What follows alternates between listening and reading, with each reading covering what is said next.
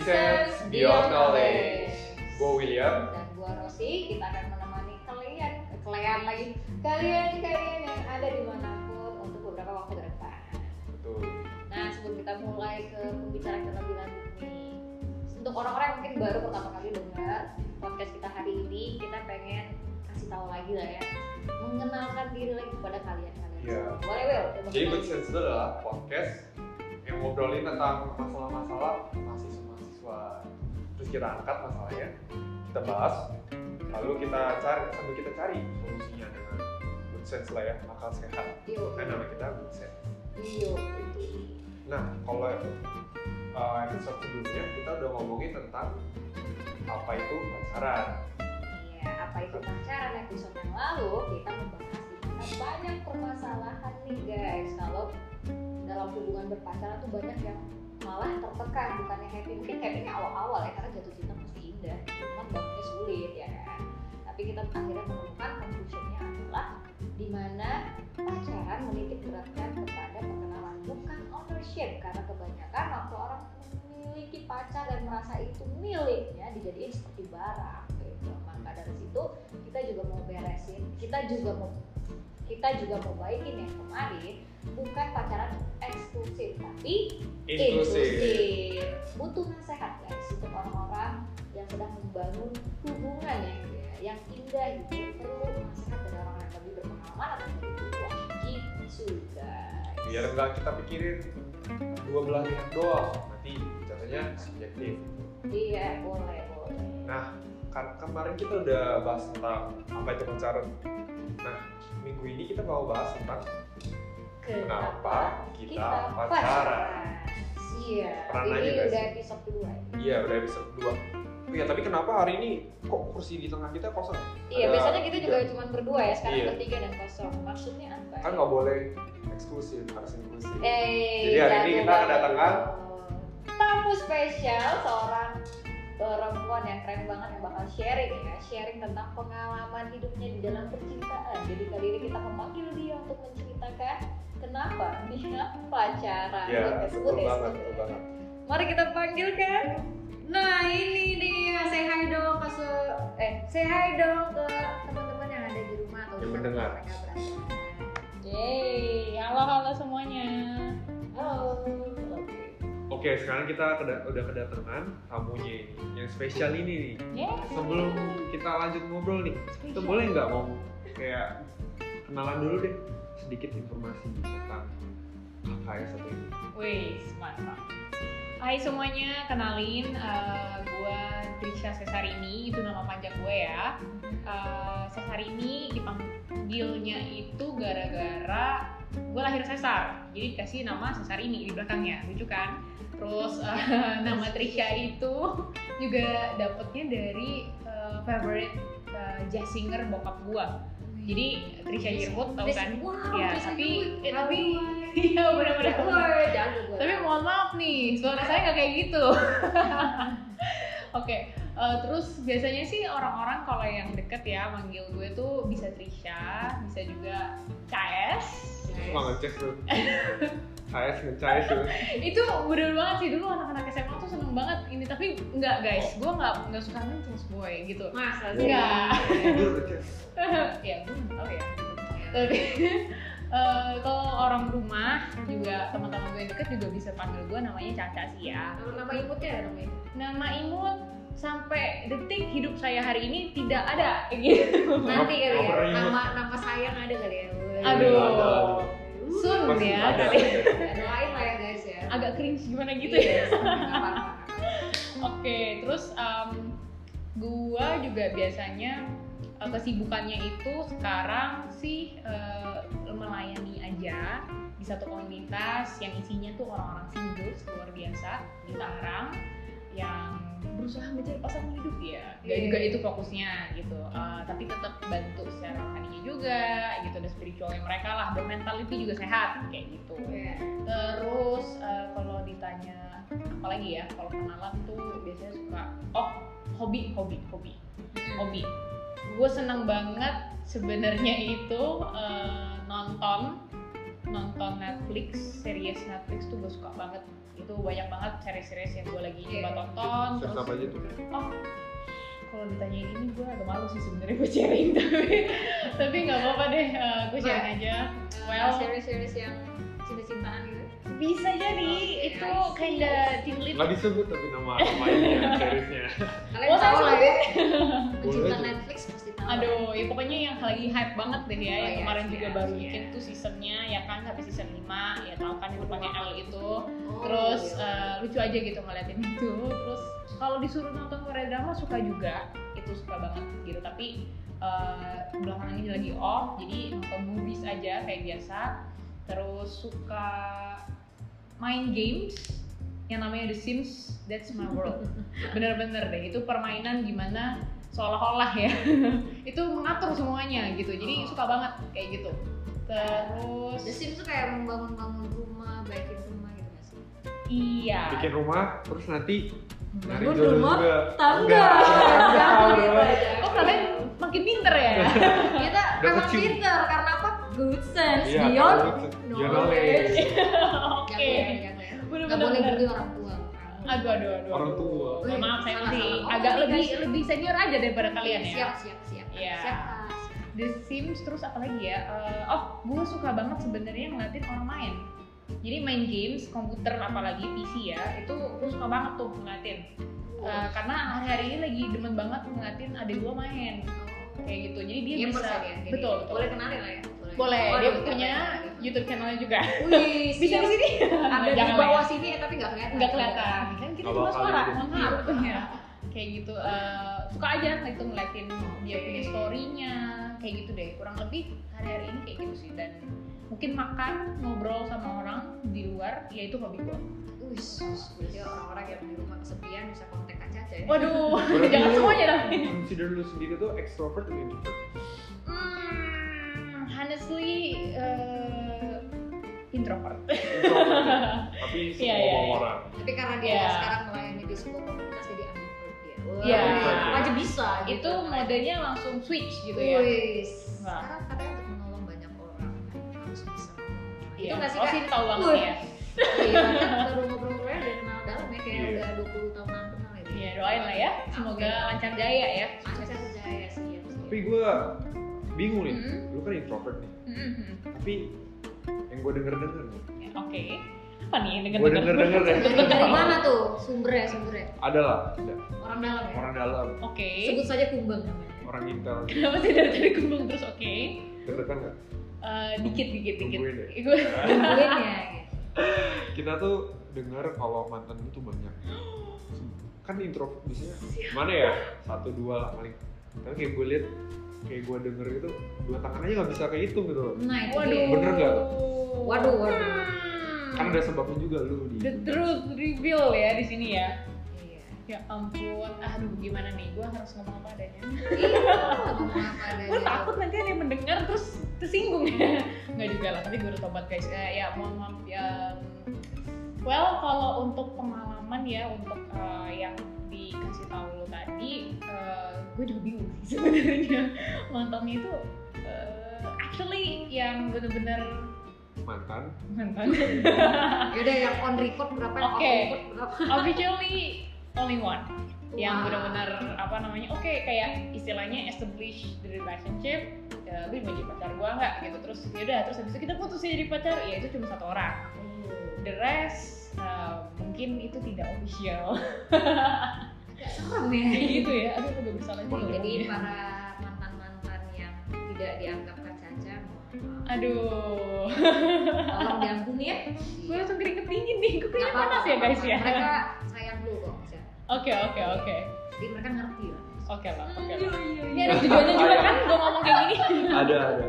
Nah Oh. kalau yang official tuh gimana tuh ceritanya? Boleh nggak? Ceritain Iya. dikit. Kita pengen tahu Banyak juga boleh sih. kenapa dia pacaran ya. Jadi Iya. bisa berhubungan dong dengan Iya. oh Pengalamannya gimana? Kenapa bisa jatuh cinta sih sama dia? Kenapa jadi pacaran sih? Awal-awalnya gimana? gitu? Awal-awalnya gimana sih? Gitu. Kan Kepo ya kepo. Kalau Dilan kan aku Rama mau ketemu cerita iya, sih, cerita sih. gimana gitu?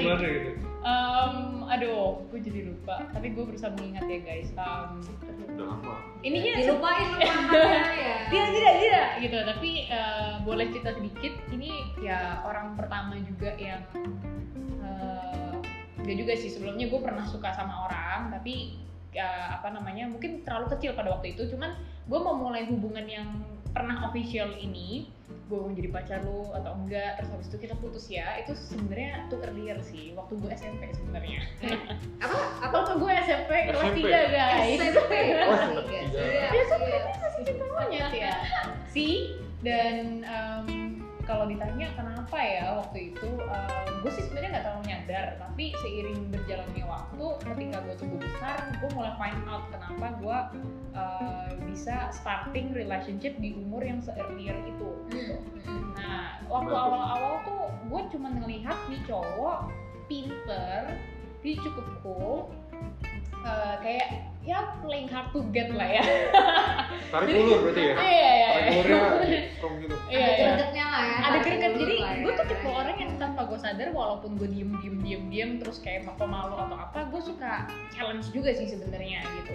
Gue nggak terlalu suka sama orang yang obviously gitu kayak nunjukin lah feelingnya. Langsung gitu. bucin dari awal gitu udah kayak ah udah lah nggak usah. Jijik gitu kayak lagi nih gitu kayak mungkin ya pada saat dia itu. sukanya yang cuek-cuek kira wih bisa gimana jadi ya kalau di anime tuh yang tipe-tipe sendiri gitu kayak eh atau yang tipe sendiri kawan-kawan Gitu ya, kayak ya. apa Sobat-sobat Nippon. ngeselin, Kalian ngerti ngerti lah. yang ngeselin tapi eh, sebenarnya care kayak gitu ya terus yang cool cool gue dulu suka lah ya gitu I tapi tapi tapi tapi yang paling penting itu gue melihat sisi selain dia pinter dia cool dia itu juga tipe alpha alpha boy gitu yang yang pe- pemimpin Dulu pas SMP alpha boy, sekarang udah alpha male ya berarti.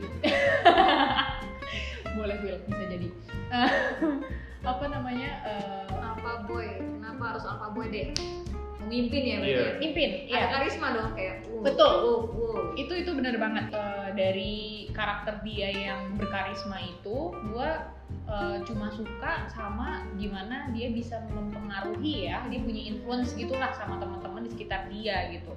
Jadi ya karakter pemimpin itulah gitu.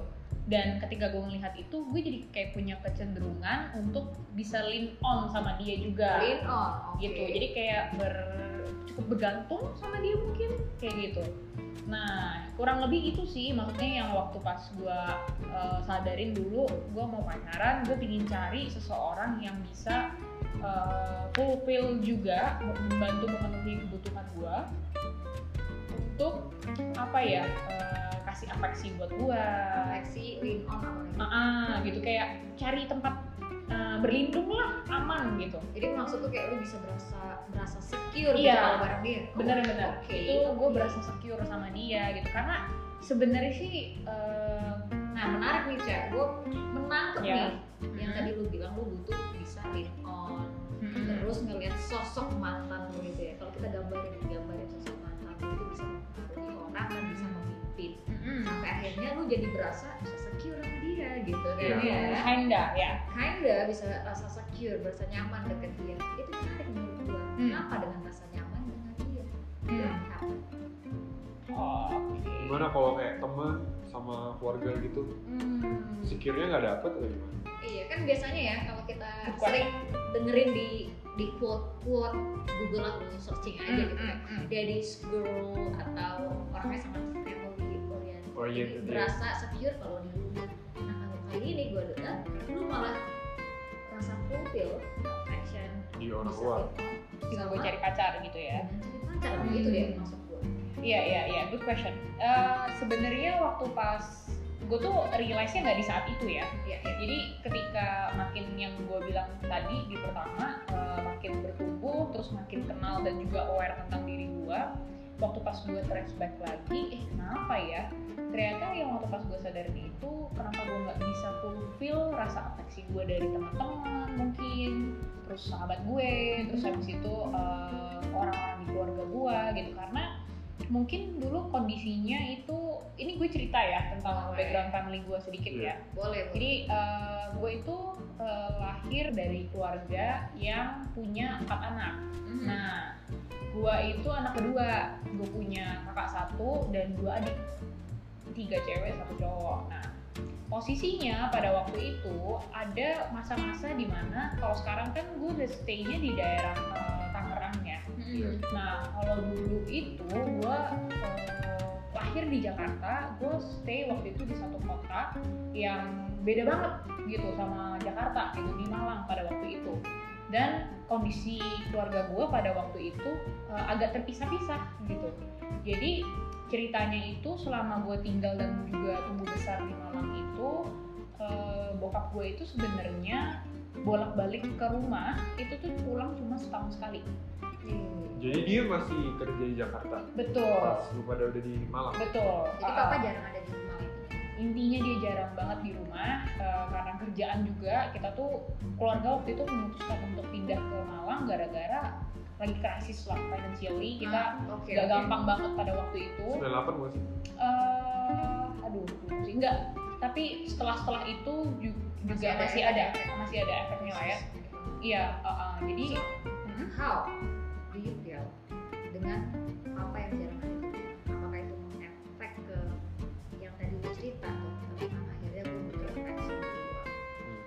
Ya, jadi sebenarnya kalau ditanya how do I feel, how did I feel kali ya, ya waktu gua wow ngerasain itu tanpa gue sadar sebenarnya gue missing banget figur seorang ayah atau seorang laki di rumah itu sendiri karena di keluarga gue itu kan cuma nyokap terus ada kakak perempuan adik perempuan terus eh, adik kecil cowok tapi masih kecil, Kecil. gitu loh Jadi diurusin sama kakak-kakaknya. Betul, betul banget gitu. Jadi lebih dominannya juga uh, cewek dan juga habis itu nyokap gue bener-bener kayak superwoman banget lah dia gitu.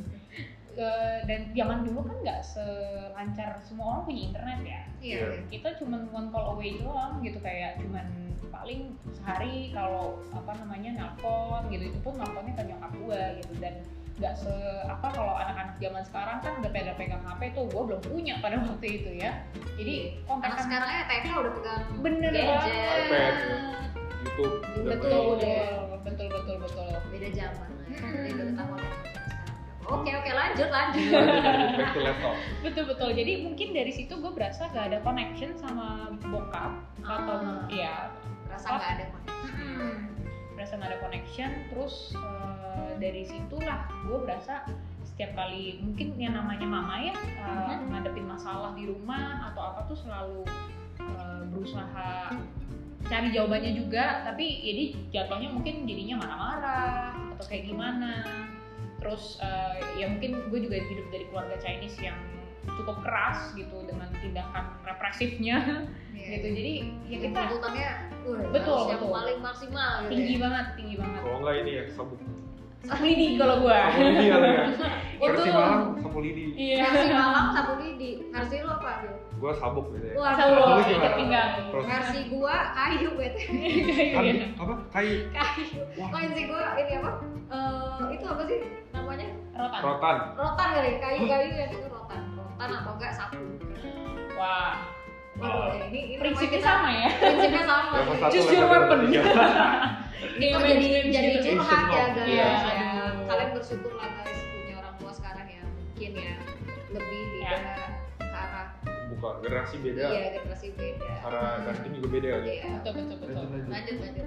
ya kurang lebih sih kayak gitu sih apa yang gue rasa pada waktu itu mungkin membentuk gue secara nggak sadar jadi butuh sosok lain di luar keluarga untuk eh, membantu memenuhi kebutuhan gue untuk disayangin gitu Bisa ya. Uh, uh, disayangin terus di ngertiin didengerin karena kan di rumah gue dengerin apa nyokap, gue ngurusin adik-adik gitu. kan? Iya bener banget. Kalau misalkan sama teman-teman gue tuh mungkin rasanya beda banget ya. Jadi kalau sama mereka itu nggak bisa 24 per 7 yang apa namanya kasih afeksi sama gue kayak ketemu aja di sekolah ya udah ketemu doang gitu. Dan kalau apa namanya sama pacar tuh gue tahu kalau dia itu memprioritaskan gue treat me special juga kayak gitu.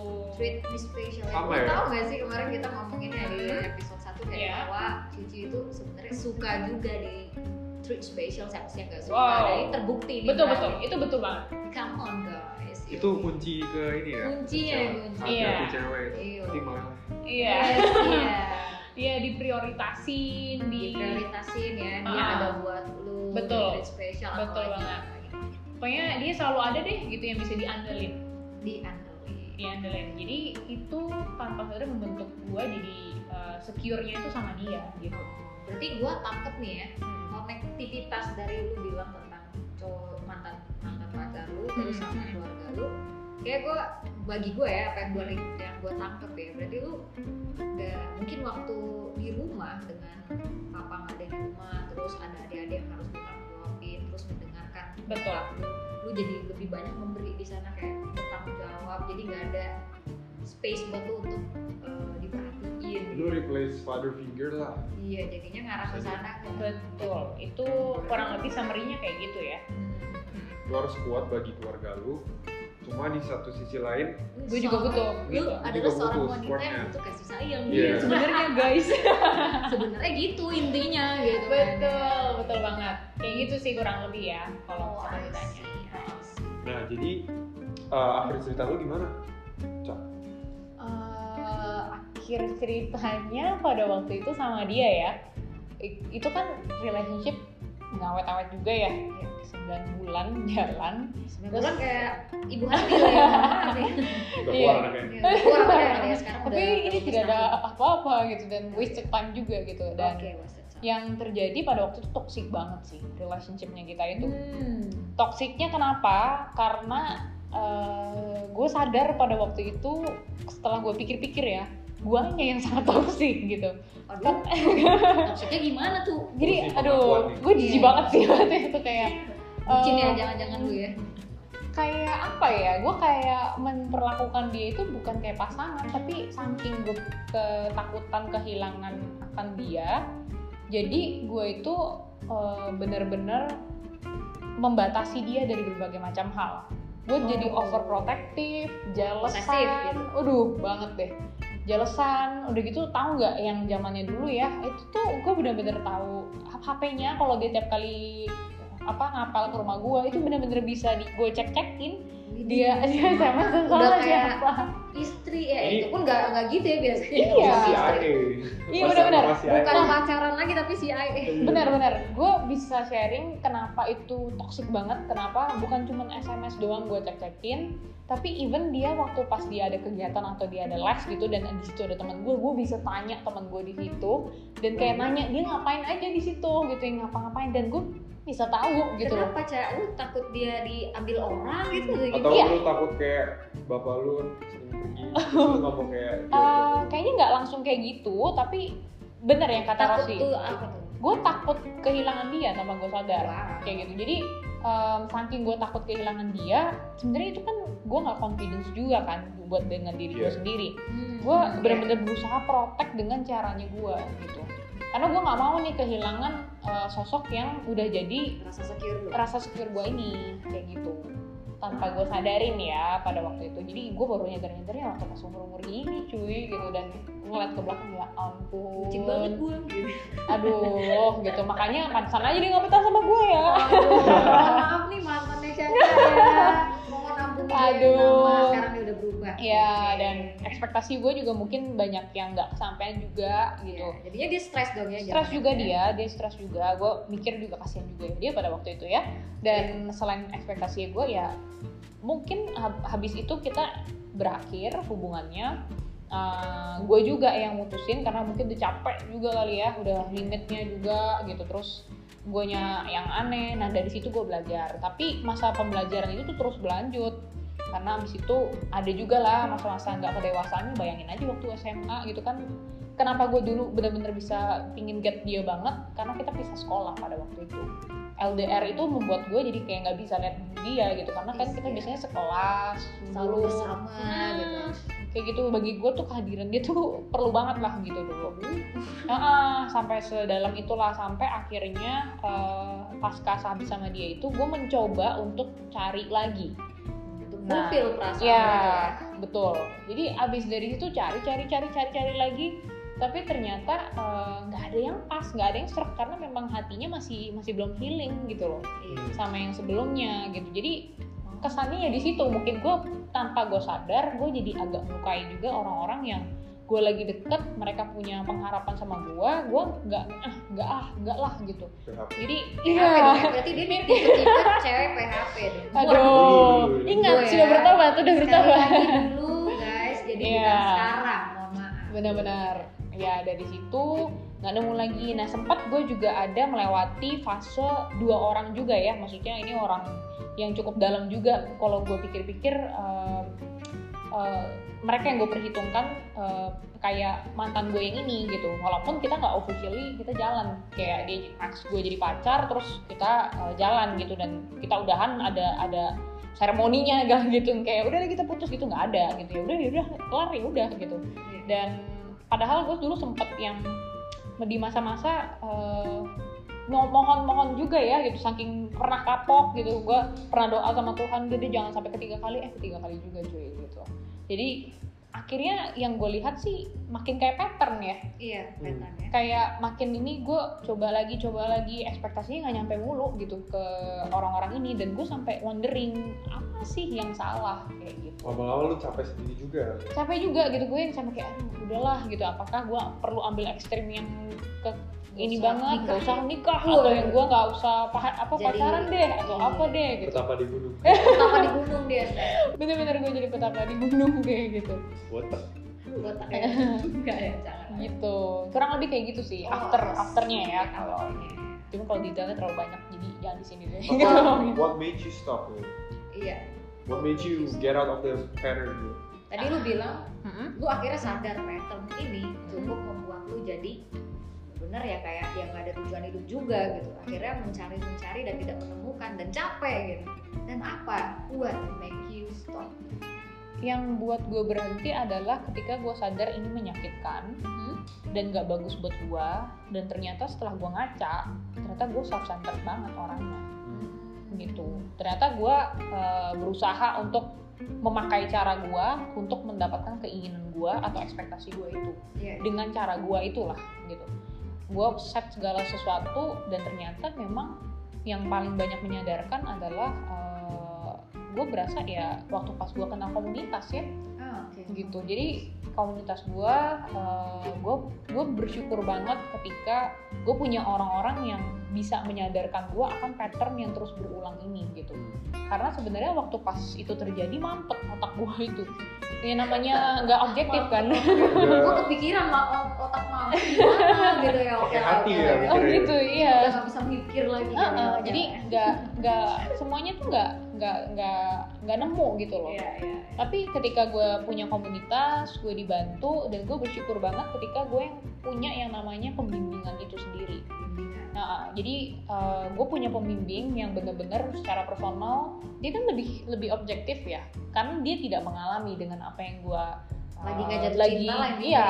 jadi kalau namanya tahu kan orang apa orang jatuh cinta itu feeling main logik jadi nggak nggak aktif Buta gitu. ya, jadi dia buta, buta. gitu semua itu yang disebut dengan buta karena cinta imbalance jadi. iya mau maunya dia gitu ya Betul. Jadi karena gue udah bener-bener frustrated, akhirnya gue depres, akhirnya gue buka hati gue dan juga apa namanya memerendahkan diri gue lah untuk gue mau dibantu.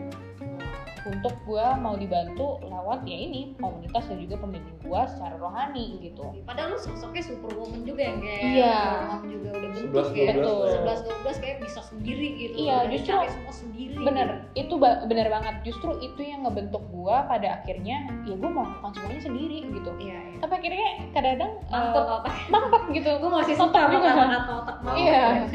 Sam- Menggambarkan banget nih kalau Betul. udah stuck. udah stuck udah nggak bisa apa-apa tuh ya. baru ya.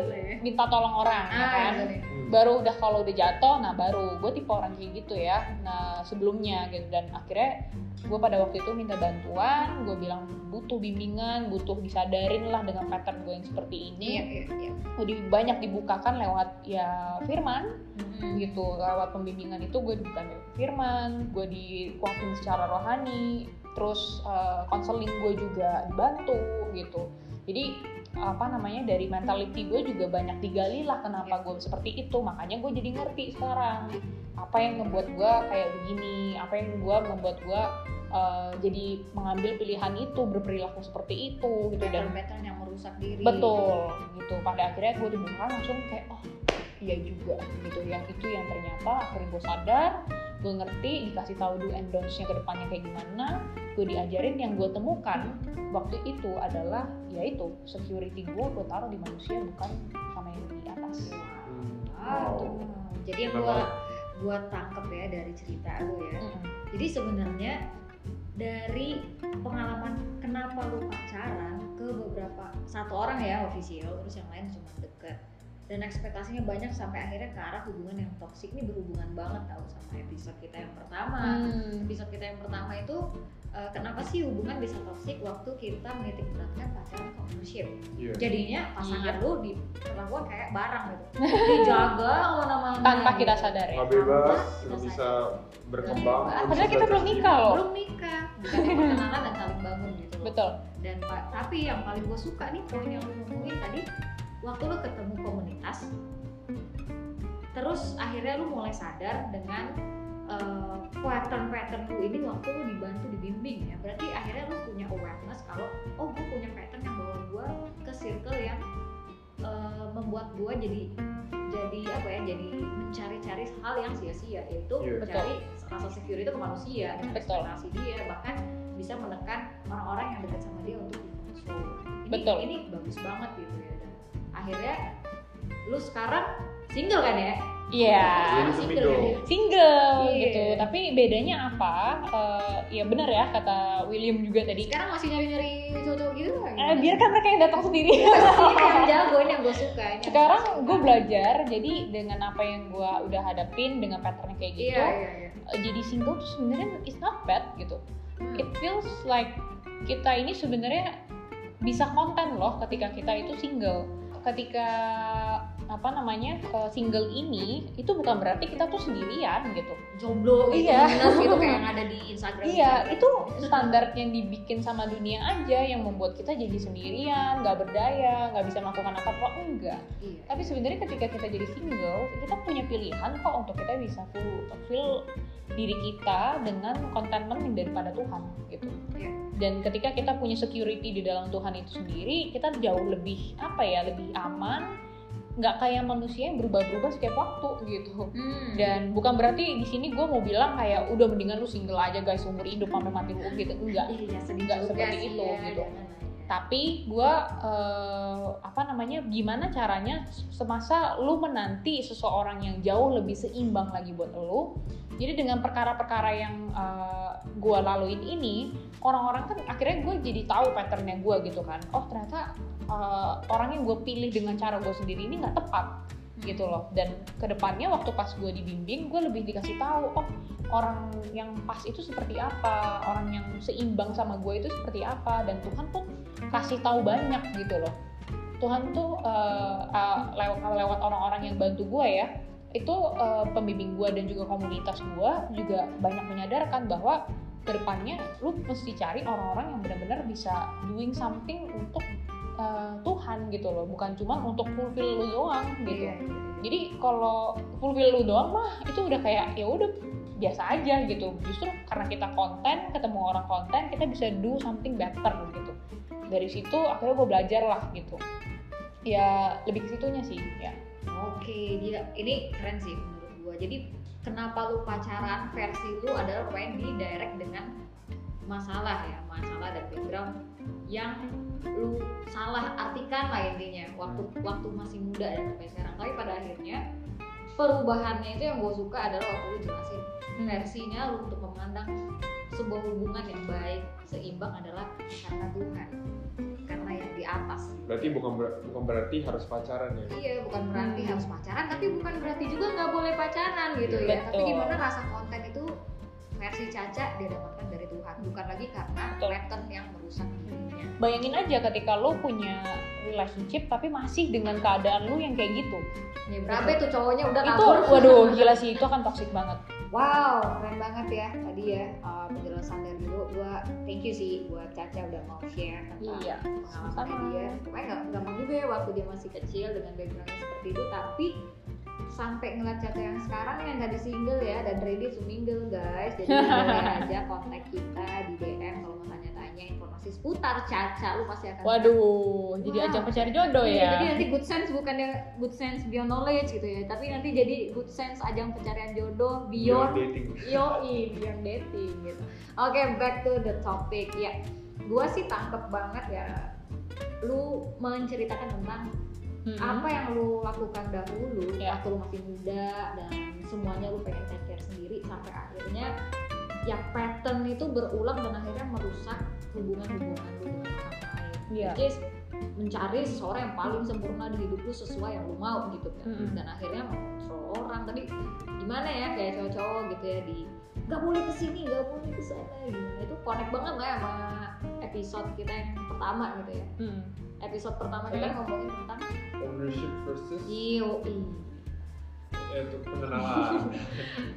tentang ownership versus pengenalan Iya. ya. Di mana waktu kita jadinya asa memiliki orang akhirnya kita op- apa obsesif banget terus overprotective. Kita cage dia, kita cage dia. Dia nggak bisa berkembang ya. jadi tertekan mulu dan tidak menitik beratkan yang namanya pacaran.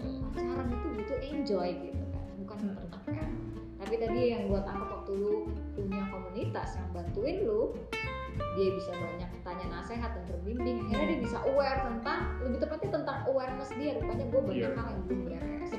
Yang membawa uh, hubungannya dia terus terus muter patternnya tuh ke arah akhirnya ya gagal gitu kan ya. Sedih juga gagal gitu padahal dia udah harapan banget ini jadi ini jadi.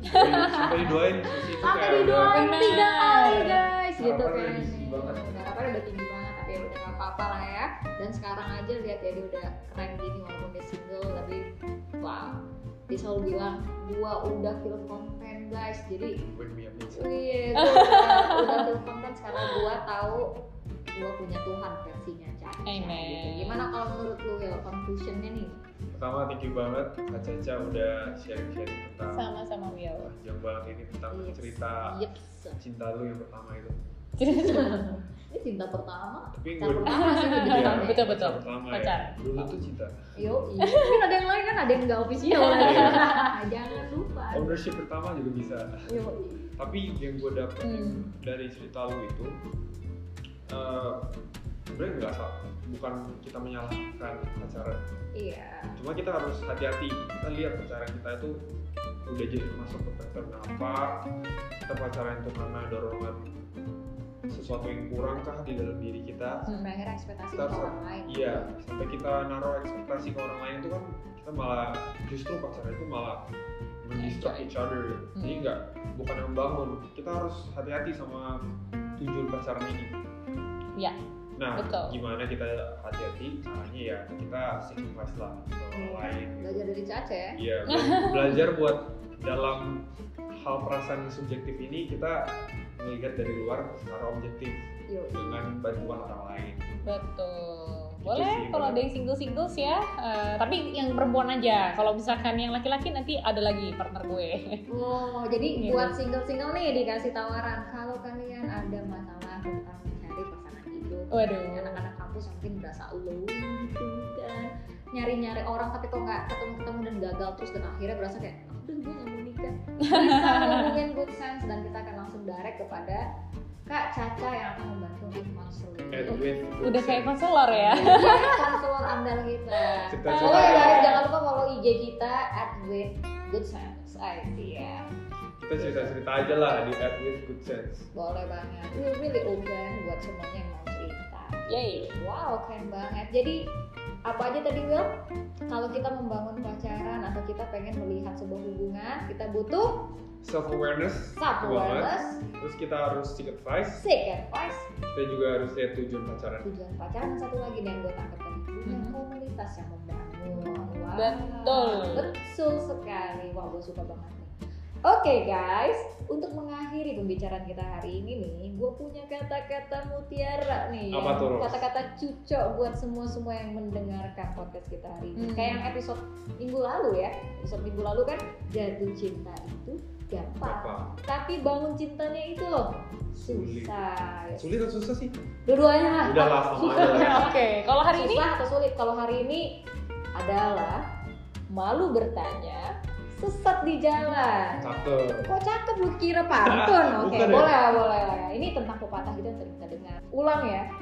Malu bertanya, sesat di jalan.